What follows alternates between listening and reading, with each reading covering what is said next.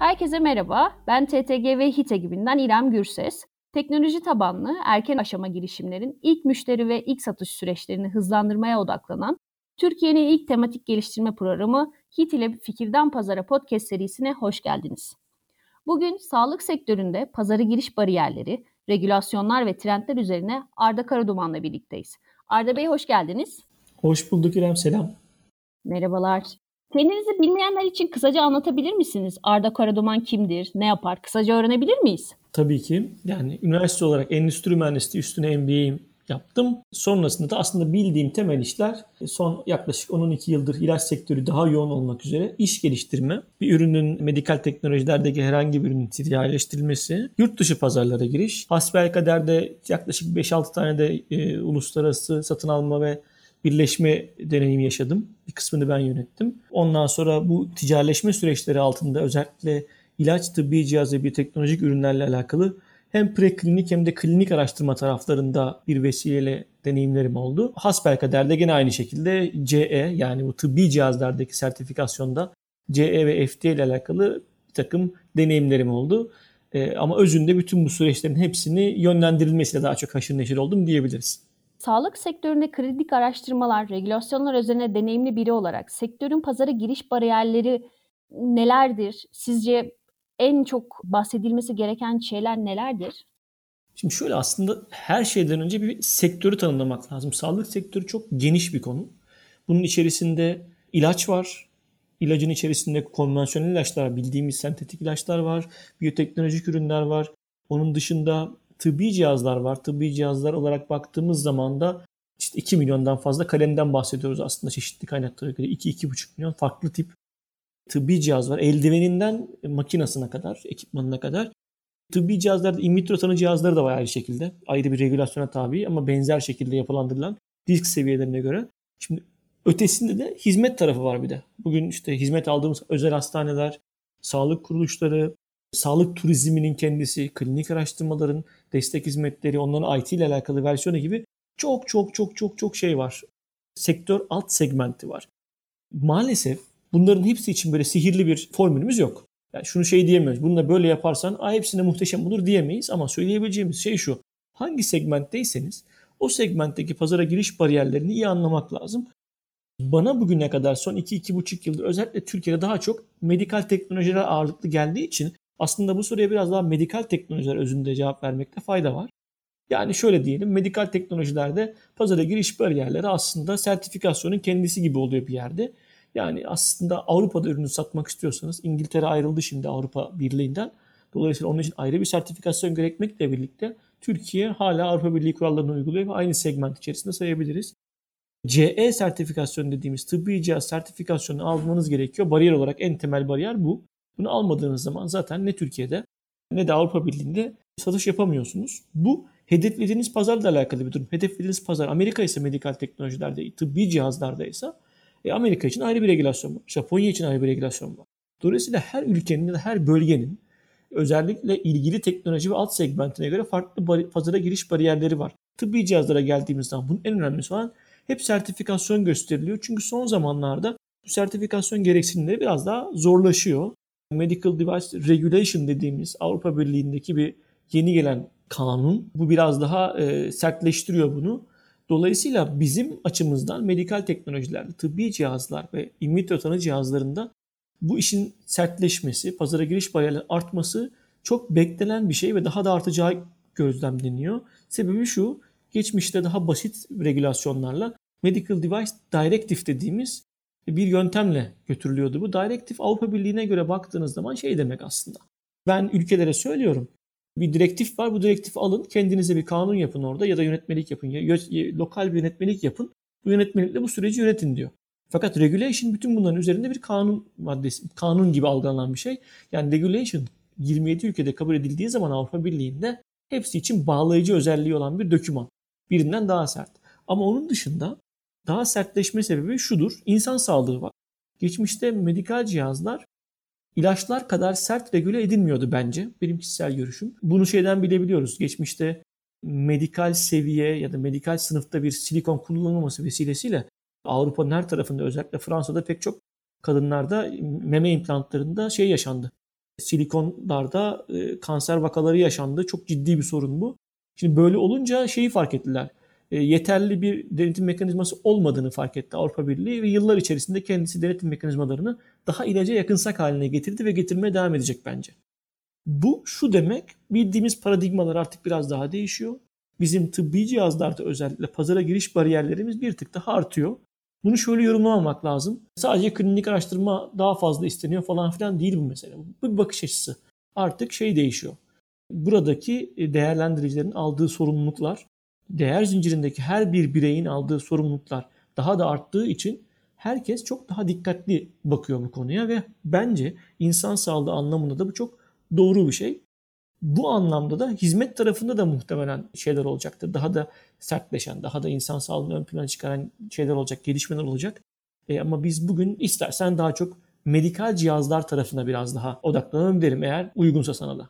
Bence uzmanlığınızla da eş olarak bence çok güzel olur bizim için. Aslında bariyerlerden başladık. Biraz siz aslında girişimlere böyle to do point şeyleri de açıklamış oldunuz. O yüzden hani pazara girmek isteyen girişimlere hani öneri olarak ne verebilirsiniz ya da dikkat etmesi gereken şeyleri aslında bir özet olarak biraz önce paylaştınız ama özellikle dikkat edilmesi gereken şeyler üzerine de konuşalım mı?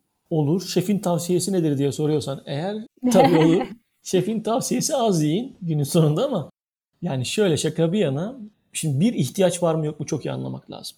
Bence girişimcilerimiz öncelikle ihtiyacın olup olmadığına çok net bir objektif gözle bakmaları lazım. Üründen önce. Yani benim bir ürünüm var demeden önce ihtiyaç nedir?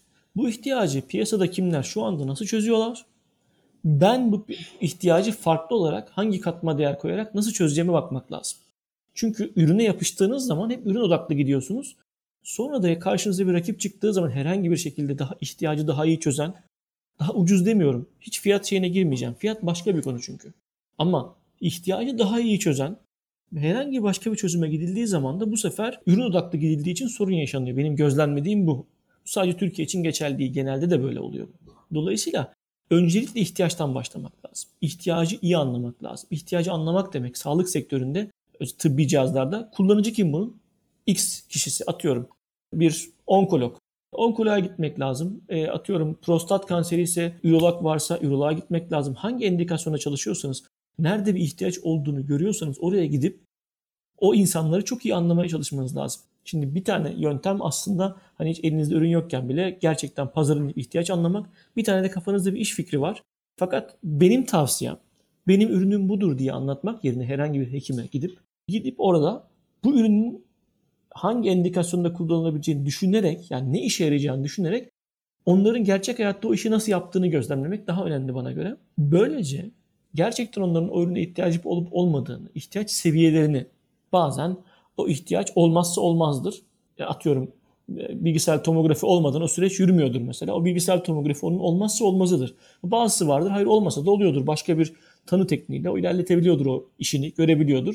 O da sizin BT sunmanızın çok büyük bir önemi olmayabilir eğer bir BT cihazı üretmeyi düşünüyorsanız mesela. Şimdi dolayısıyla ihtiyaçtan bir aşamaya gelmek lazım.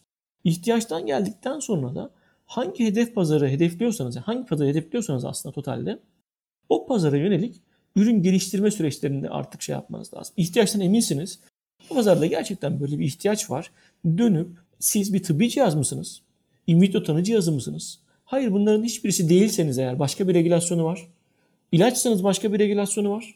Tamam benzerlikleri var ama özünde bunların hepsinin regülasyonları, hepsinin yönetme şekilleri hem ülkeden ülkeye hem de bölgeden bölgeye değişiklik gösterebiliyor. Bazıları Avrupa Birliği olduğu için gruplanmış durumda. Amerika tek başına başka bir regülasyonlar serisi uyguladığı için farklı görüyorsunuz. Ama özünde hedef pazarınız Amerika ise orayla ilgili bir çaba içinde olmak lazım. Müşteri bulun demiyorum. Önce ürünü geliştirebileceğiniz pazarla alakalı hangi regülasyona tabi olduğunuzu anlamanız gerekiyor.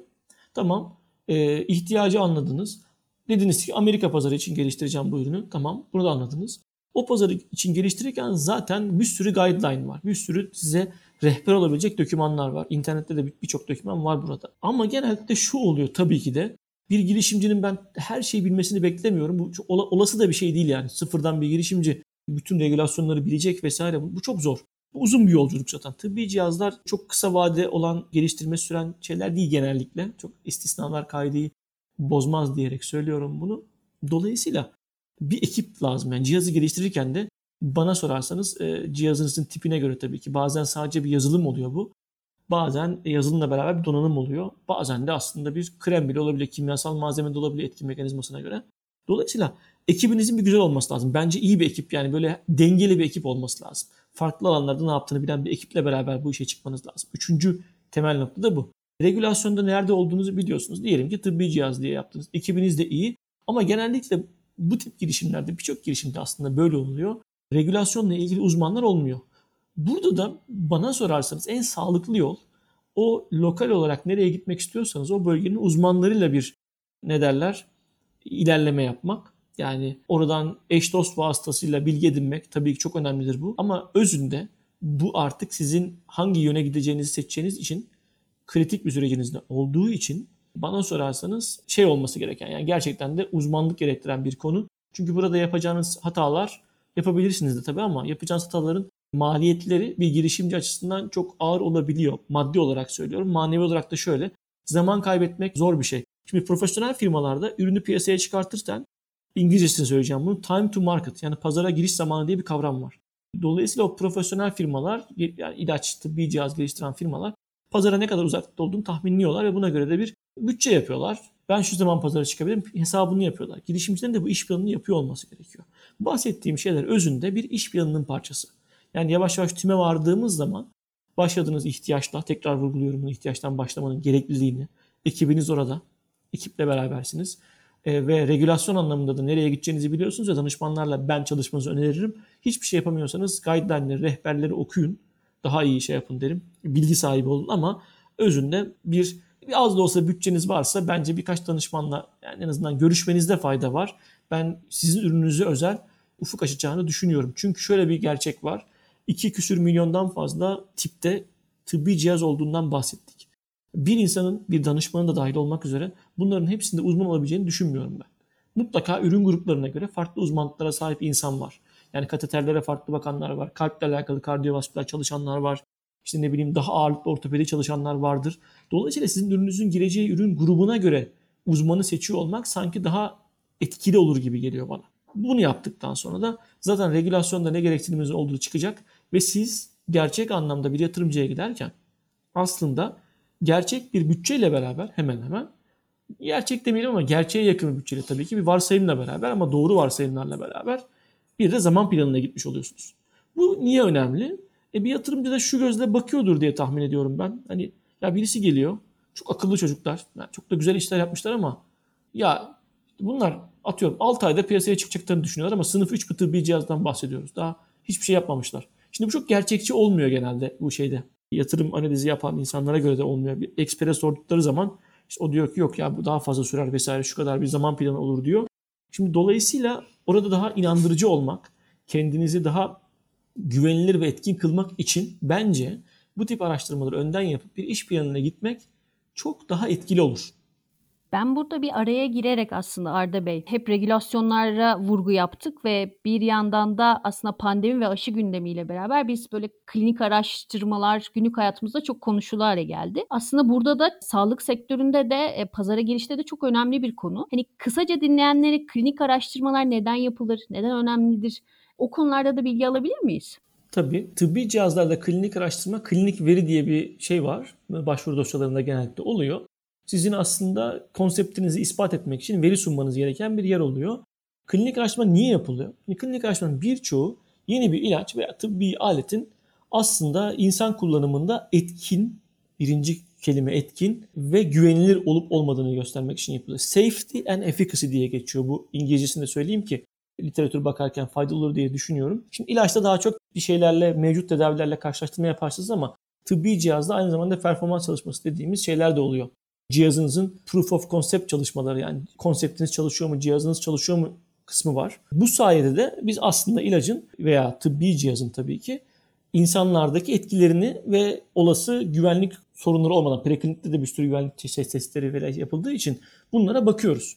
Bu niye önemli? Çünkü sonuçta burada yeteri kadar klinik veri elde etmeniz lazım ki bu çalışmanın sonuçlarına göre. Bu çalışmanın çeşitli bir sürü aslında tasarımı var bu çalışmaların. Pek çok çeşitli tasarımları var ama özünde amaç tıbbi cihazlar için söylüyorum onaylanmış kuruluşları, notified body'leri, içerisindeki uzmanları tabii ki, bu işin uzmanı insanları altına, dosyanın altına imza atıp sizin ilacınızın veya tıb, pardon tıbbi cihazınızın bu konu özelinde tıbbi cihazınızın piyasaya çıkmasına vesile olacak insanların ve sorumluluk alacak olan insanların aslında günün sonunda onay verirken baktıkları veriler bunlar. Şimdi bu anlamda baktığımız zaman bu insanlar bu verilerin doğru şekilde oluşturulmasını, çeşitli kurallara göre oluşturulmasını istiyorlar haklı olarak. Ve bu klinik araştırmalarda sistematiği belli olan, e, yazılı çizili olan, ülkemizde de gayet net, ülkemizden gelen verilerin de gayet güvenli ve e, düzgün olduğu bir e, alan. Hiç kimsenin korkmasına gerek yok. Hani muhtemelen bana sorarsanız eğer bu tarz bir ilaç geliştirmede, tıbbi cihaz geliştirmede en en çok yazılı çizili olan, her şey belli olan çok net bir konu bu. Tabii ki uzmanlık gerektiren bir konudur. Bunu herkes danışmanlık gibi görür. Bana sorarsanız klinik araştırma, sözleşmeli araştırma kuruluşları vesilesiyle de yapan, yapılanları gördüğüm için hatta bir tanesinde de geçmişte görev aldığım için biliyorum. Bana sorarsanız hakikaten uzmanlık gerektiren bir konudur. Orada pek çok sözleşmeli araştırma kuruluşu var. Hem ülkemizde var, hem Avrupa'da, Amerika'da, dünyada her yerde var bunlar. Bu sizin dediğim gibi iştahınız olan yer, hevesiniz olan ülke hangisi ise, hangi pazarsa buna göre seçilmesi gereken bir şey olur. Ne derler? Veri üreteceğiniz ülke olur ve firma olur aslında bakarsanız. Kimseyi korkutacak bir durum yok. MDR'la evet değişiklikler oldu ama ürün risk seviyelerine göre klinik araştırma hani onlarca yıldır yapılan 3 aşağı 5 yukarı şeyleri net. Tabii ki güncellemeler var ama buradaki bütün dert insanların sağlığına ve güvenliğine aynı şekilde sorun getirmeyecek bir tasarım da yapılmış olması. Hem ülkemizde Sağlık Bakanlığı tarafından sağlam bir şekilde, iyi bir şekilde regüle edilen bir yerdir bu. Uluslararası standartları vardır, katı kuralları vardır, elinizde protokol vardır. Araştırmacılarınız yani sahadaki hekimler o e, katı kurallara sahip protokolleri hiçbir zaman pas geçemezler. Zaten sözleşme araştırma kuruluşları da bu denetlemekle yükümlüdür. Aynı şekilde. Dolayısıyla bu gönüllülerle yapılan bir iş ve gönüllüler de güvenli bir şekilde çalışmayı tamamladıktan sonra yapılır. Şimdi aşı çalışmaları tabii çok şey yapıldı. Haklısın. Ön plana çıkartıldı. Doğru. Aşı çalışmaları da özünde farklı bir yöntem izlemiyor. İlaç, aşı, kabaca aynı şeyleri izleyen bir şey. Aynı yöntem gene gönüllüler üzerinde gidiyor. Preklinik sonrasında faz 1, faz 2, faz 3 dediğimiz çeşitli fazlardan oluşuyor. Buradaki amaç da sonuçta burada bu yeni tedavi yöntemi, yeni aşı da tedavi değil tabii ki ama tabii bu, bu açıdan baktığımız zaman ama özünde nasıl anlatalım bunu? yaygın olarak daha fazla kullanmaya başlamadan önce belli bir insan grubu üzerinde kullanılması ve mümkün olduğu kadar da farklı insan gruplarında farklı yanıtlar görebileceğimizden veya en etkiler görülebileceğinden bunları azaltmaya yönelik bir e, ne derler e, protokoller serisi diyebiliriz aslında bana sorarsan. Ve de bence çok güzel bir şekilde regüle ediliyor. E, geçmişteki yani 50'li yıllarda yurt dışında falan hatalardan ders alınarak bence çok daha ulusal uluslararası olarak da regüle edilen şeyler, klinik araştırmalar. Nasıl yapılır sorusu özünde ilacı keşfediyorsunuz ya tıbbi cihazı keşfediyorsunuz, belli bir aşamaya kadar getiriyorsunuz. Bench testler, e, preklinik aşamalar, ilaçsa toksikoloji falan olan preklinik bir süreci var orada. E, bir sürü testleri falan var. Detaya girmeyelim şimdilik. Ama ilaç tarafında eğer otoriteler diyorsa ki evet bu bir yeni ilaç veya yeni aşı veya yeni tıbbi cihaz e, artık insan denemeleri, gönül denemeleri başlıyor. Faz 1 gönüllülerde gene. Faz 1, faz 2, faz 3'ün sonunda ruhsata başvuruyorsunuz. Tabi aşılar için şu anda çok herkes seferber olduğu için bu görece olarak daha fazla ülkenin ve daha fazla regülasyon yapacağı insanın aldığı bir risk olarak şey yapıyor. Daha hızlandırmaya çalışıyor herkes. Canla başla çalışıyorlar gözlemlediğim kadarıyla. Normalde bunlar yıllar alan süreçler tabii ki. İşte belli bir standardı var. Protokoller hazırlanıyor. Çok katı protokollere göre de aldığınız çıktıların sonuçlarına göre de orada şeyi görüyorsanız eğer anlamlı bir veri görüyorsanız bir sonraki aşamaya geçiyorsunuz. Faz 2'ye geçiyorsunuz. Faz 2'de devam ediyorsunuz. Faz 3'e geçiyorsunuz. Faz 3'te de belli bir insan grubu yapıldıktan sonra ruhsata başvuruyorsunuz. Ruhsatta da inceleniyor. Uygunsa eğer her türlü veriler safety efficacy özellikle e, ve şey oluyor. Bu artık piyasaya çıkmaya hazır oluyor. Bu ruhsata başvurusu dediğim kısımda dediğimiz gibi seçtiğimiz coğrafyayla alakalı bir durum. İlaçlarda Amerikan FDA, işte Avrupa'da EMA veya ülkelerin şey seçiminize göre iki tane yöntem var orada Avrupa'da. E, tıbbi cihazlarda notified body'ler Avrupa'da FDA'nin içerisinde, Amerika'da FDA içerisinde oluyor bu. Avrupa'da F, e, notified body'ler var, onaylanmış kuruluşlar var. E, dediğim gibi segment çok dağınık olmakla birlikte klinik araştırmanın yapılma mantığı, sistematiği özünde aynı. Benim buradaki ileriye yönelik öngörüm ise tıbbi cihazlarda klinik araştırmalarında önümüzdeki 10 yıllar içerisinde şeye özellikle ilaçtakine daha yakınsak olacağını, daha katı kuralların geleceğini ben düşünüyorum açıkçası. Aslında sağlık sektörüne pazara girmek isteyen girişimler için güzel bir özet oldu. İhtiyacı anlamaları, regülasyonları ülke bazlı takip etmeleri, en sonunda da bu, bu bir iş planına dökmeleri aslında verdiğimiz tavsiyeler arasında ve sonrasında hani bu klinik araştırmalarla da aslında süreçleri nasıl gittiğini biraz özetlemiş olduk. Ben biraz da sizin iş geliştirme şapkanızı da önümüze alarak hani sağlık sektöründeki trendler, girişimlerin ne olduğu aslında bir yandan da hani bu konularda bir şey yapmak isteyenlerin neye hazır olması gerekiyor? Ya da bu konular özelinde verebileceğiniz tiyolar neler? Verelim tabii ki de at yarışı tiyosu gibi oldu ama bak sorumluluk kabul etmiyorum. Bunları hani girişenler de şey gibi olmasın yani biz para kaybettik falan demesinler. Ben sadece kendi gözlemimi yapıyorum, yapıyorum. Yatırım tavsiyesi değildir diye de bu altına söyleyelim de ne olur ne olmaz. Daha sonra da hani vay ben görmedim evet. olmasın ama şöyle şimdi genellikle son 2-3 yılın trendleri arasında baktığımız zaman dijital sağlık hem Avrupa'da hem İngiltere'de de ben çok çok gözlemliyorum. Türkiye'de de tabii önemli ama inanılmaz ön plana çıkıyor. E, bu tabii ki bilgisayar teknolojilerinin gelişmesi buna çok bir şey e, destek atıyor ama özünde de insanlar dijital sağlığın bence önemini kavruyorlar artık. Bir şeyleri dijitalleştirmek tek başına hani bilgisayar, kompütür falan filan değil. Dijital sağlık aslında bir bütün. Hem içinde e, az önce bahsettiğim ihtiyaçları içerecek bir algoritma seti içeriyor. Bir yandan hekime ihtiyacınız var ekosistem içerisinde. Bir yandan yazılımcıya da ihtiyacınız var. Belki bazı durumlarda cihaza da ihtiyacınız var falan filan. Şimdi dolayısıyla acayip bir şey var. Ekosistem var burada. Farklı disiplinlerin bir araya geldi. Bu çok önemli bence dijital sağlık. Almanya mesela dijital sağlık için hızlandırılmış başvurular açıyor. Özellikle bir takım ürünlerde şeyde gördüm. Geçen daha bir ay önce falan onay alan başka bir ürün vardı mesela. Aslında normalde daha bir sürü proses geçmesi lazım o ürünün. Ama hızlandırılmış başvuruda çok hızlı bir şekilde uzaktan şeyde hasta takibiyle alakalı bir ürün mesela bu çok hızlı onay alabildi. İngiltere'de clusterlar var. Yani kümeler var buna odaklanan. Dolayısıyla dijital sağlık e, Avrupa'da da önemli, yurt dışında da önemli, bizde de önemli bence. Bizde de girişimler ben görüyorum. Günün sonunda e, yapay zeka da bunun işine giriyor bence. Yani yapay zeka ayrı bir başlık olarak değerlendirmek gerekebilir ama bu yapay zekanın tam olarak ne olduğu konusu bana sorarsın hala tartışmalı olduğu için yani herkes her şeye yapay zeka demeye başladı.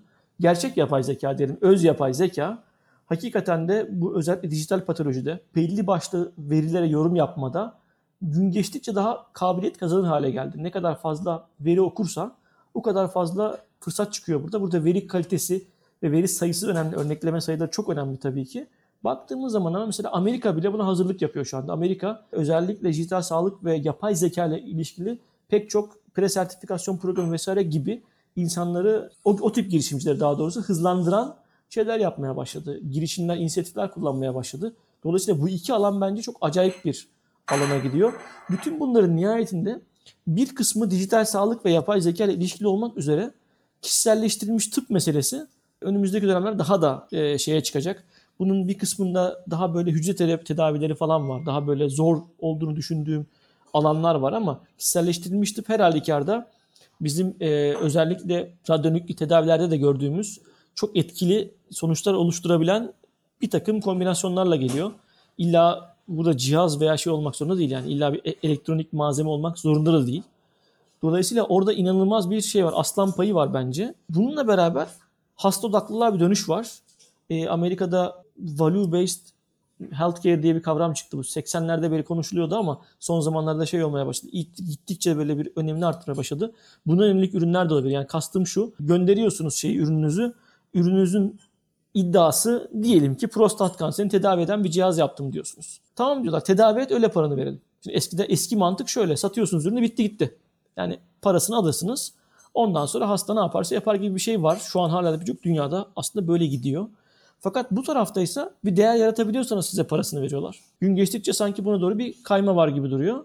Bu önemli bir şey çünkü etkili cihazlar veya etkili tanım mekanizmaları da bunun altına girebiliyor. Mesela bir ilacınız var, çok büyük bir firmasınız bir ilacınız var ve diyorsunuz ki e, bu ilacı ben bilmem ne reseptörüne e, yönelik bir ilaç olarak tasarladım diyorsunuz. Fakat bir açığa çıkıyor ki o reseptörde aslında çalışmayan, o reseptöründe bir, bir şekilde etkili olmayan hasta grupları var. Ve sizde de, sizde de bir girişimci olarak diyorsunuz ki ben bu hasta gruplarını önceden tespit edersem atıyorum bir dozu 100 bin dolar olan bu ilacı hastaya vermek yerine ne yaparım? İşte atıyorum 1000 dolara benim cihazımı alsın da test kitimi alsın test edin. Aa orada bir şey var. Sen bu ilaca bunu kullanman mantıklı değil yorumunu yapabilsin bir hekim. Şimdi bu tip şeyler dahi aslında eşlik eden tanı ürünleri bunlar önem kazanmaya başladı. Şey arttıkça hasta odaklılık ve aslında değer bazlı tıp arttıkça bunlara bence bakmak gerekiyor. Bir de nadir hastalıklar var. Çünkü maalesef hani bir kısmına göre 7 bin civarında, bir kısmına göre 9 bin civarında nadir hastalık tanımlanmış durumda. Ama özellikle bizim ülkemiz için nadir hastalıklar nadir değil. Ya bunun pek çok örneği var. Biz çünkü İpek yolu üzerindeyiz. Genetik geçişlerin çok olduğu bir coğrafyadayız. Akraba evlilikleri vesaire. Nadir hastalıkların da büyük bir e, kısmı aslında bakarsanız şey gibi genetik geçişli rahatsızlıklar. Dolayısıyla bizde çok gözüküyor. İpek yolu üzerindeki ülkelerde nadir hastalıklar görece olarak daha gözüküyor. Bunu niye özellikle vurguluyorum? Yani şu konuşmayı Amerika bir pazarı için yapıyor olsaydık eğer Amerika pazarı için demeyelim. Amerika'daki bir girişimci grubu için yapıyor olsaydık çok bir anlam ifade etmeyebilirdi. Ama bizim ülkemizde özellikle nadir hastalıklardan müzdarip insanlara erişmek, hastalığa erişmek görece olarak daha kolay olduğu için onlar için bir çözüm ortaya çıkarmak bence bir Amerikalıdan ya da bir daha uzak bir Avrupalıdan, Avustralya'dan daha uzak bir coğrafyadaki insandan görece olarak çok daha kolay. Doğru şekilde gidebilirsek bunun pek çok regülasyon anlamında avantajları var. Klinik araştırma yaparken ki insan sayısından tutun da çünkü istatistik olarak anlamlı bir sayıda insanla yapmanız gerekiyor. Nadir hastalıklar çok düşük rakamlar bunlar. Çok daha düşük maliyetleri yapılabiliyor. Ve insanlar da bu maliyetleri üst, kolayca üstlenebilsinler, görece olarak daha kolay üstlenebilsinler diye Amerikan FDA'dır, EMA'dır, çeşitli otoriteler şey koyuyor. Daha uygun rakamlar ve teşvikler veriyorlar buna. İşte normalde yeni ürün başvurusu milyonlarca dolarken Amerika'da bunu almıyorlar falan ya da çok düşük bir rakam alıyorlar, sembolik bir rakam alıyorlar falan gibi bir durum var. Bunlar avantajlar. Buradan bir şeyle başlayıp ortaya çalışan bir ihtiyacın ve çözüm çıktığı zaman nadir hastalıkların kaldıraç etkisinin özellikle dijital sağlık da bence öyle bir şey. Ee, burada saydığım diğer ürünler gibi ama özellikle nadir hastalıklar bize özgü bir şey gibi geliyor bana. Özellikle bizim coğrafyamıza özgü bir şey gibi geliyor. Hem nadir hastalık hem dijital sağlık bir şey varsa muhteşem. Hem nadir hastalık hem yapay zeka hem dijital sağlık harika. Üzerine hasta odaklılık varsa, üzerinde de kişiye özel bir tıp varsa zaten bu hepsinin kombinasyonu oluyor muhteşem bir ürün olur.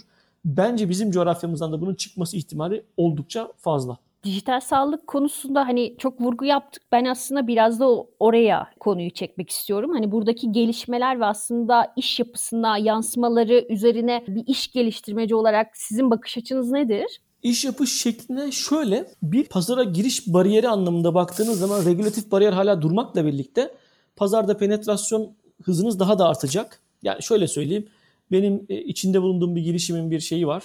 Reklam olmasın diye söylemeyelim ama bir ürünü var mesela. Biz bu ürünü aslında İngiltere'deki herhangi bir hekime satmak için yapacağımız tek şey uzaktan atıyorum 5 kullanımlık, 10 kullanımlık bir e, paketi aktive etmek. Özünde evde bilgisayar oynamaktan çok da büyük bir farkı yok. Bu alım kolaylığı anlamında söylüyorum. Dolayısıyla bu kolaylıklar beraberinde e, muhtemelen görece olarak ucuzlat, ucuzlamış bir şeyi getirecek. Servis kabiliyetini getirecek. Ama dip toplamda çok şöyle bir şey olabilir gibi geliyor bana.